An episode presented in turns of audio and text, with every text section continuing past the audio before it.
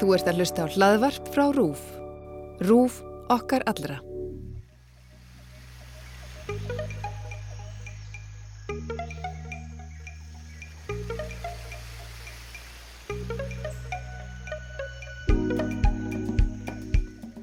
Góðan dag, kæri hlustandi. Þú ert að hlusta á X21, kostningarhlaðavarp RÚF. Ég heiti Holmfríður Dagni Fríðansdóttir.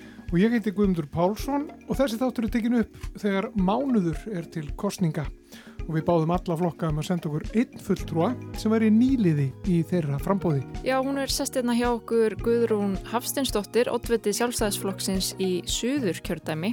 Já, hvers vegna gefur þú kost á þér til alþingis? Það er nú góð spurning og margir hafa spurt mig að því hvernig konu þetta, þetta í hug. En ég hef búin að vera síðustu tíu ár, hef ég notið þeirra gæfu að, hérna, eða forréttundar eftir að sagt, að fá að standi stafni fyrir Íslands atvinnulíf og hef verið í stjórn bæði samtaka einaris og samtaka atvinnlífsins og, og, og líka í stjórnum lífyrirsjóða. Þannig að þegar ég hætti í fyrra sem formaða samtaka einaris að þá komu mjög margir að máli við mig eins og sagt er og, hérna, og voru að hvetja mig til þessa og þegar ég sett þetta svona allt saman og, og þá reynslu sem ég hef kannski við að mér að þá tel ég mig alveg geta gert gagn á hinnu háa alþingi. Og fyrir hverju ætlað þú að berjast? Ég hef alveg verið sko ófeimin við að segja það því að bakgrunum minn er líka bara með þeim hætti að ég mun berjast fyrir öfluga atvinnlífi og ég trúi því bara staðfastlega að öflugta atvinnlífi er forsenda velferðar og allt sem við eigum í dag hér á Íslandi eins og helbriðskerfið, mentakerfið, samgöngu, mannvirkin okkar og svo framvegis, eigum við öllu aðtunlífa að þakka. Þannig að til þess að við getum áfram verið í fremstu rauð þjóða hvað varðar velferð, þá verðum við öllu aðtunlífa og ég mun tala mjög fyrir því. Og hvað þarf að gera til að efla það? Uh, við eigum auðvitað góðar atvinnugreinar, við höfum byggt okkar velferð í gegnum ára tíina á sjávarútvegi, ferðarþjónustu og svo yðnaði og uh, allt eru þetta auðlinda tengdar greinar. Og við vitum það auðvitað öll að auðlindir eru takmarkaðar. Þannig að ég hef lagt mikla áslá það að við verðum að horfa lengra fram í tíman og við verðum að horfa þá auðlind sem aldrei þrítur sem er mannauðurinn og hugvitið okkar og það, til þess að eiga það þá verðum við að eiga og leggja áherslu á öflugt mentakerfi uh, við þurfum að leggja áherslu á nýsköpun og þróun og það síðan skilar okkur inn í, í skilar okkur góðu og öflugu atvinnlifi og við þurfum að leggja áherslu á að auka útflutnistekjur okkar og ég vil að sjá að auknar útflutnistekjur verði einmitt í nýjum greinum Þegar, og þá erum við að tala um nýsköpun. Nýsköpun. Já, og Já. hvernig, hvernig eh, sjáu þið fyrir ykkur einhvern veginn að ebla nýsköpun? Það er alltaf að vera að tala um þetta, það þurfum að, að, að skjóta fleiri stóðum undir atvinnulífið og, og svo framvegis. Hva, sko, hvar, hvar getur við gert það? Hvar eru svona tækifæri til þess? Þegar ég var í prókjörnu vor, þá var ég spurða því styrir rángavallasíslu, já Guðrún og, og ef að þú nær nú markmiðinum og, og verður þingmáður okkar sölitinga, hvaða fyrirtæki ætlar að koma með hérna til, til okkar hérna í rángavallasíslu? Og ég var nú að viðkjöna það að ég var orðlaus í, í nokkra sekundur sem ég var sjaldan og ég horfði að viðkomandi og sagði bara, bara nákvæmlega ekki neitt. Ég ætla ekki að koma með eitt einasta fyrirtæki og þið viljið þau bara alls ekki að stjórnmálamenn sé að vesanist í því þar sem að stjórnmálamenn eiga fyrst og fremst að gera að það er að mynda umgjörð að, að, að, að þannig að laga umhverfið og reglu, um, reglu já, hérna regluverkið að það sé skilvirt, einfalt og gott og með þeim hætti og það sé hvetjandi. Þannig einstaklingar eins og þú guðmyndur eða þú hólfrýður að þið geti láta draum ykkar ræta segði eigið hugmynd að það sé einfalt og gott að láta hugmynd uh, komast í framkvæmt og það er það sem að stjórnmálamenni að gera og við verðum að gera til þess að efla nýsköpun að það er að búa svo um nútana eins og ég segi að hér sé einfalt, skilvirt og hagkvæmt umhverfi. Mm, og aðlandi. Við erum að lifa okkar draum hérna við Hólfríður, við erum að tala í útvarfið, það er það er eitthvað draumur, en þið viljið kannski stopna út á stöð eða eitthvað allt annað. En hvað, sko, ef við tölum að þessum það sem hefur nefnt sem kannski stóra kostningamáli núna sem er mm. heilbyrðiskerfi það, mm. það eru flesti sem nefna það finnst Já. manni svona, eða mjög margir að mista kosti sem nefna heilbríðiskerfi og kannski lítast það af uh, þessum faraldri sem er í gangi. Uh, samt ekki, þetta er náttúrulega mál sem er búið að kostningamál í mörg ár. Hvað þarf að gerast til þess að ríki sáttum heilbríðiskerfið og til þess að það sé gott kerfi sem við getum verið stolt af? Eh, Ég er búin að fara víða í voru í prókjörunum mínu fór ég víða um mitt kjördami og í upphafi þá var ég alveg sannförum það að allir myndi vilja ræða við mig atvinnumál. Og sérstaklega út á Reykjanesi þar sem við höfum verið að sjá eitt mesta atvinnleysi í Íslands sögunar þar. En það var ekki raun og það komir á óvart það sem að brennur á öllum að það er heilbreyðstjónusta og aðgangur á heilsugjæslu og því miður er það svo að eins og út á Reykjanesi, Vestmannegjum, Höfn og mörgum öðrum stöðum hringin ykkur einhver landið að þá bú, býr fólk ekki við sama aðgengi að helsu gæslu eins og við hér í þéttbílinu hér sunnan heiða. E, það er alveg skýrt í mínum huga að allir landsmenn eiga rétt á góðu og sambarilega aðgengi helsu gæslu og það verður að bæta. E, það eru þetta ekki bóðlegt að það séu fjögur þúsund íbúar á Reykjanesi sem eru skráðir á hér á höfuborgarsvæðinu og helsingjöldstafar og að því þeir komast ekki að út á Reykjanesi. E, íbúum þar hefur á síðustu tíu árum fjölgaðum 12.000 og það hefur valla verið fjölga starfsfólki helsingjöldsluna nýja hún stækkuð og við vitum það öll sem hefur verið með rekstri fyrirtækja að þegar að umsvið fyrirtækja okkar aukast að þá þart að bæta við starfsfólki, þú þart að bæta starfsumhverfið og svo víðri. E, það hefur ekki verið raunin. Ég held að þjóðin, hún er að e, aldurspíramindi þjóðarinnar er að breytast, við erum að eldast gríðarlega hratt og það þekki og lífriðsjóðakerfinu, það verður líka áskorun þar, en það verður ekki síður áskorun í heilbreyðskerfinu og ég hef velt því fyrir mér, heilbreyðskerfi verðist ekki ráða við verkefni sín í dag hvernig óskupunum ætlum við þá að ráða við verkefni morgundagsins eða framtíðarinnar þegar að hópurinn sem þarf á þjónustu að halda er sístækkandi og verður hann gríðarlega stóru upp úr 2050. Það er alveg klárt í mínum huga að við getum engan vegi ráði við þetta öðru vísi en með góðri samvinnu á milli opiberskerfis og enga rekstus, takið eftir. Ég er ekki að tala fyrir enga væðingu, Ég er að tala fyrir samspil á milli opiberskerfis og enga reksturs. Við eigum mörg dæmi um þetta samspil í dag þar sem að gengur vel. Það er, það er alveg ljóst að hérna, eins og ég segi, kerfi ræður ekki við verkefni eins og það er. Það er, auðvitað, það er bagalegt eins og staðan hefur verið síðustu vikur á hverjum einasta degi fá við frettir að því frá háskóla sjúkrásinu okkar, þjóðar sjúkrásinu, að það sé á þólmörkum, að, að það sé á neyðarstígi eða það sé komið hættu ástand. Þetta, þessi skilabóð þau hljóta að setla inn í samfélagið, út í samfélagið og valda óðuriki. Við verðum einhvern veginn að horfa á þetta kerfi og hugsa hvernig getur við bætt það, hvernig náðum við betri skilvirkni og svo hef ég líka bara að tala fyrir því það er búið að, er búið að setja gríðarlega mikið fjö í helbriðskerfið okkar og er eitthvað af því þó að við fylgjum því fjö eftir og byggjum um að uh, spyrju spurninga hvernig er því varið. Getur við gert hlutina betur? Getur við náð betri skilvirkni? Getur við uh, útvistað einhverjum verkefnum sem að hið óbyrberið kerfi er að gera í samfunnu með engaðalum. Þetta gerum við í dag til dæmis með tanglagnum, sjúkraþjálfurum, ljósmaðurum og fleiri hópum og það er bara reynst vel og gefist vel. En núna er sjálfstæðarflokkurinn í ríkistjóðinu búin að vera undanfærin ára og verið lengi, bara undan mm. ára tugi hefur sjálfstæðarflokkurinn uh, mikið verið í, ríkistjóðnum, mm. eh, meðalans í heilbreyðisraðanitinu, náttúrulega fjármálaráðanitinu, mm. núna. Mm. Eh, af hverju er þessi mál svona ef að, ef að þetta er sko sjálfstæðarflokkurinn vill breytingar og vill öðruvísi kerfi og vill laga þessi kerfi Já, ég held að þarna sé líka hugmyndafræðilegur ágreiningur að við kannski séum þjóð Við erum öll sammál um það að við eigum öll að eiga jafnt aðgengi að heilbristjónstu. Við erum öll sammál um það. En hvernig við ætlum að nálgast það verkefni höfum við ekki verið sammálum. Og það hefur verið gríðarlega hræðisla hjá fólki við það að fara í aukin enga rekstur. Ég held að þessi hræðisla komi líka innan úr kerfinu. Maður hefur stundum herti flegt að, að það sé gríðarlega hættulegt að semja við klínikina í ármóla vegna að þá verði einhver lækna flótti frá landsbytalunum þangað yfir.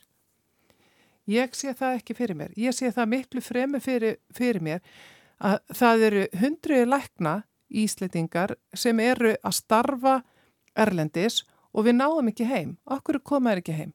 Það getur verið hlutaskýringunni að, að starfsungverfi sem við erum að bjóða hjúgruna fólki eða, já, helbriðið starfsfólki hér séu bara ekki einn spennandi. Við verðum að búa til spennandi umhverju. Hér hefur við líka verið með mikla fréttir því að húsnæði landsbytalas hefur verið lélegt, það hefur verið miklíði, við þekkjum það öll og svo framvegis. Það vantar upp á fjárfestingu í tækjum, það er mannekla. Hver vil koma og vinna á svona umtöluðin vinnustaf? Þegar þú ert kannski að ljúka þínu sérfræðin á einu flottasta sjúkrahúsi heims í Svíþjóð. Eh, ég hafna því nú að sjálfstæðsflokkurinn hafi ekkert gert í málaflokknum því á þessu kjörtæðanbili hefur sjálfstæðsflokkurinn eh, eða já, undir fórustu formansins Bjarnar Benettíssona í fjármálaráðundinu setti við 30 miljardar auka lega í helbrískerfi. Og það er ekki lítið, það eru 30.000 miljónir. En samt verist ekki neyðarástand. Samt er neyðarástand og, og við heyrum þá hverjum degi að starfsfólk á þjóðasjúkrásunni segir okkur það að það, það finnur bara ekkit fyrir þessum peningum. Og þá spyr ég mig, hvar er þessu peningar? Það er búið að fjölga starfsfólki um yfir 20% á sjúkrásunu en samt hefur framleginin, hún hefur lækkað um 5%. Finnst þér landsbytalum verið ílla reygin? Ég held að sé hægt að gera betur. Ég held að sé að það gera betur. Ég vil ekki kannski taka svo djúft í árinni að hann sé illareikin en það er hægt að reyka hann betur. Helbriðsmálur er stærsti útgjaldalegur í Íslenska ríkisins og, og við verðum auðvitað að, að geta gert á kröfu að við fáum sem mest fyrir það fér sem er að, við erum að setja í það kerfi. Og við skulum líka bara eins og ég segi, við þurfum líka og sjálfstæðismenn hafa að tala fyrir því, við þurfum líka stórefla forvarnir vegna þess eins og ég sagði á, við erum að eldast og við þurfum að koma í vekk fyrir það að fólk þurfi á kerfin að halda með öllum tiltækum ráðum. Það er stundum talað um ágreining, sérstaklega við vinsti grænum, um sóttvarnir og líka áreikstur í heilbríðiskerfinu. Heldur það sé mögulega vandamáli eða ástæðan fyrir að ekki hefur gengið betur í þessum máluflokki? Sko þegar er ágreiningur þá gengur aldrei vel. Við vitum það alveg sama hvar það er. Þegar við erum að ganga á veggi hvers annars að þá gengur ekki vel við, og þá er gatan ekki greið þegar við erum hvert að setja hindranir í veg fyrir hvort annað. Þannig að það þarf að nást uh, sáttum það hvernig þetta kerfi er sem er í rauninni þver politist.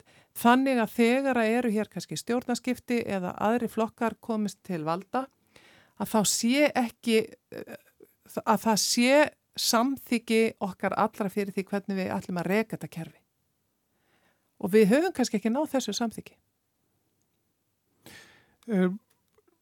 Þessi ríkistjórn við, við höldum áfram að, að bæli henni, er það, er það samstarf sem þér myndi hugnast áfram? Er það, ef að, að kostningan það fara þannig, séu þá fyrir að þetta sé, er þetta góð ríkistjórn? Viltu halda henni áfram? Sko, ég hef sagt það áður að mér hugnast það. Um, margt er þetta góð ríkistjórn og kannski fyrst og síðast fengum við með þessari ríkistjórn ákveðin stöðuleika á því pólitíska svið sem að ég held að margir íslitingar hafi pínliti þráð. Og uh, ég í upphafi þá átti ég ekkert vona því að, að þessir þrýr flokkar vinstrið, hægrið og miðjan myndi bara lifa af heilt kjörtæðanbill en þau hefa gert það og og leiðtóar þeirra flokka sem þarna sitja eru sterkir leiðtóar hafa stýrt þessari skútu bara ágætlega og já, mér hugnast alveg áframhaldið til samstarf. Er einhver flokkur sem sjálfstæðsflokkurinn geti ekki unni með? Uh, ég held að uh, við erum svolítið langt frá sósélstafloknum og uh, ég, ég sé bara ekki alveg hvernig við ættum að einhvern veginn að ná einhverjum sameilegu takti þar og svo held ég líka að sósélstaflokkurinn langi bara alls ekki að dansa við okkur. Þið finnst það ekki líklegt að, að það myndi gerast? Mjög ólíklegt, mjög, já. Ef við tölum um annað mál sem er, sem er stórt mál uh, fyrir þessu kostingar, það nefnir allir heilbriðiskerfið, en það fólk nefnir líka umhverfismálun. Mm.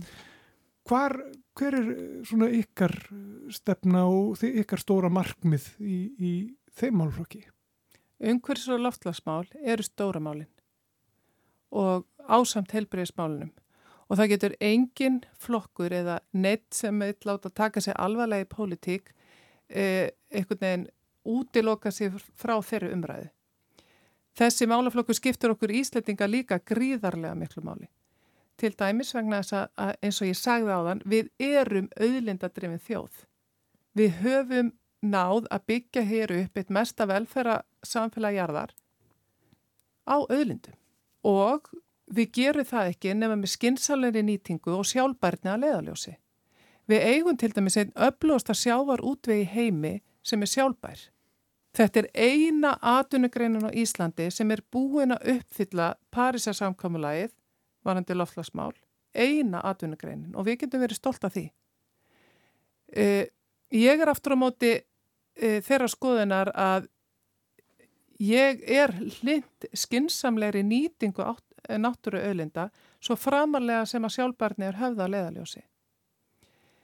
E, Íslitingar hafa gríðarlega margt að færa, fram að færa í þessu málaflokki og ég, að því við nefndum nýsköpun á þann, að þá held ég að Íslitingar geti í fyllingu tímars þróað margar lausnir sem að nýsketa öðrum þjóðum hvað varðar eh, úrlausni í þessu málaflokki og, og ég er bara mjög spennt fyrir því. E, við sjáum það til dæmis bara við um fyrirtæki sem hafa verið að sinna jarðhittaverkefnum í öðrum heimslutum eða öðrum löndum. Nú við um fyrirtæki eins og Kontrolant sem er að, að búin að þróa lausnir hvernig við flytjum e, viðkvæmi lif og annað. Þannig að, e, og svo er það orkuskiptin. Við erum í dauða færi íslettingar til þess að nánast fara í 100% orkuskipti og, og það að okkar bílafloti, flugvilar og stórluti skip verði knúin raforku. En við skulum ekkert gleima því að við gerum það það ekki nema eiga þessu orku. Núna eru löndi í Evrópu að, þau eru að reyka sér að því að þau hafi selgt svo og svo mikið að ramaspílum það sem aðver ári og það er bara vel. En stór hluti þessar ramaspíla hann er drefin áfram að orgu frá kólum eða jafnveg kjarnorku. Við erum að knýja okkar rafbíla á sjálfbæri orgu, grætni orgu og, og við getum orðið algjörlega svona fyrirmyndaríki hvað þetta varðar og við eigum að stefna því, alveg heiklust. Við eigum líka að horfa til ringrásarhagkerfisins og, og Já, og þá er ég að horfa til þess til dæmis með úrlaust í, í, í sorpmálum. Ég er bara þeirra skoðunar að hver, hvert einstakl ríki, sveitafélag, fjölskylda einstaklingur að verður að bera ábyrð á þessu máluflokki. Og við þurfum að taka fastar í tökum utanum hann. Ég hef til dæmis talað fyrir, ég er nú að móti miðstyringu mjög, En ég hef samt sem áður tala fyrir því og ég þrái það í alvörni að við tökum eitt, eitt heildrænt sorpflokkuna kerfi í Ísulandi. Bara það við saminst um það hva, í hvað tunnu pappir má fara í járn og svo framvegs hvar sem við búum á landinu. Það eru þetta eitthvað skríti við það þó að það liggi vermaði í sorpunu þá er eitthvað skríti við það að við séum að flytja núna sorpu okkar til annara landa til brennslu og, og við þekkjum það að Danir bara í kaupan, á stór kaupmanafnarsvæðinu að það er búið að reysa gríðarlega stóra sortbrennslu sem við erum núna að senda rusl í sem að mun síðan orkan sem þar verður til að hún er notið til húsitunar í kaupanöfn. Ég vil sjá þetta bara gerast á Íslandi og þá uppbyggingu á svona vespu á köldu svæði þar sem að orkan getur nýst til húsitunar. Þannig að tækifærin okkar eru mjög mörg. Sjálfstæðarsflokkurinn er umhverfisflokkur og það er svo oft sagt við okkur að við séum akkurat andstæðin. Ég hafna því algjörlega því eins og þú sagðar áðangveðmyndur að þá er flokkurinn oft og lengi búin að vera við stjórn og hann hefur staðið í, í framvarðasveit í mörgu framfara málum hvað umhverfisvend varðar. En er þetta ekki enga síðan nýr tótt hjá sjálfstæðarfloknum að leggja áherslu á umhverfismálun í kostningabartu? Alls ekki. ekki. Alls ekki. Ef ég má koma því að, að ég saði hér upp að ég hefði verið formað samtaka innarins og ég var það í sex ár. E, þegar ég kom að samtökunum að þá voru umhverfismálinn í árlegri skoðanakönnun e, sem við, við gerðum á meðal félagsmenna, þá voru umhverfismálinn svona í neðri hlutunum á topp 10. Í dag er hann í fyrsta öru sæti. Atunilífið er löngu búið að gera sig grein fyrir því að það verður að gera sig í brók. Því að mesta mengunin kemur frá atunilífinu í heiminum. Og ef við viljum sjá breytingar að þá verður, verða það breytingar að eiga sér stað þar. Og ég sagði oft við félagsmenn og ég get sagt að við þá sem er að hlusta og er að reyka fyrirtæki ef að þið umfaðmið ekki þennan málaflokk og takja hann til ykkar þá verða fyrirtækin ykkar ekki til eftir tíu ár. Því að fólkið mun kjósa eða viðskipti við eitthvað aðra. Og það er alveg eins með okkur íslendinga. Ef að við erum ekki til fyrirmyndar og ef að við byggjum ekki upp þessa sterku ímynd þjóðar ímynd umhverfisvendar að þá, þá mun fólk kjósa eitthvað annað heldur en okkur hér á Íslandi. Það mun kjósa eitthvað annað en íslenska vörur. Þannig að fyrir mig er þetta bara svona markasmál líka. Þetta er markasforskott fyrir aturlífið og fyrir fyrirtæki að taka utan á um málaflokkin, vera til fyrirmyndar og vera undan öðrum. Og, og engin flokkur, eins og ég sagði, getur einhvern veginn eh, fyrra sig umræðum um þannig málaflokk og við gerum það alls ekki á sjálfstæðsflokknum. Mm -hmm. Við þurfum að fara að hætta þessu Guðrún Hafsteinsdóttir, 8. sjálfstæðsflokksins í Suðurkjörðami.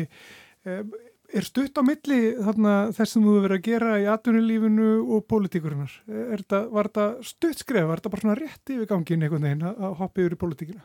Nei, þetta var ekki rétt yfir gangin og og ég ætla ekki að segja ykkur hvað ég er oft búin að hugsa núna á síðustu dög, hvað var ég að láta að draga mig úti vegna þess að núna er ég að hætta í mínu fyrirtæki kjörist og ég er meira sem að hætta þar í stjórn.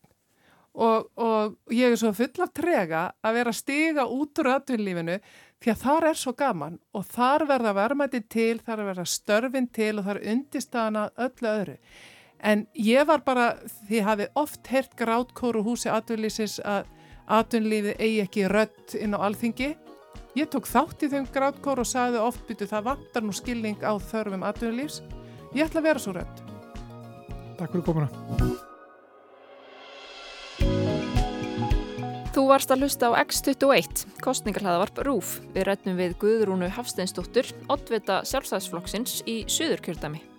Nýjir þættir af X21 byrtast reglulega í spilararúf og á helstu hlaðvarpsveitum og það er líka hægt að gera þetta áskrifandi með því að smetla á takkan sem er mertur subscribe og sækja þannig þætti um leiðóðir þetta inn. Ég heiti Guðmundur Pálsson og ég er Holmfríður Dagni Fríðansdóttir. Takk fyrir að hlusta.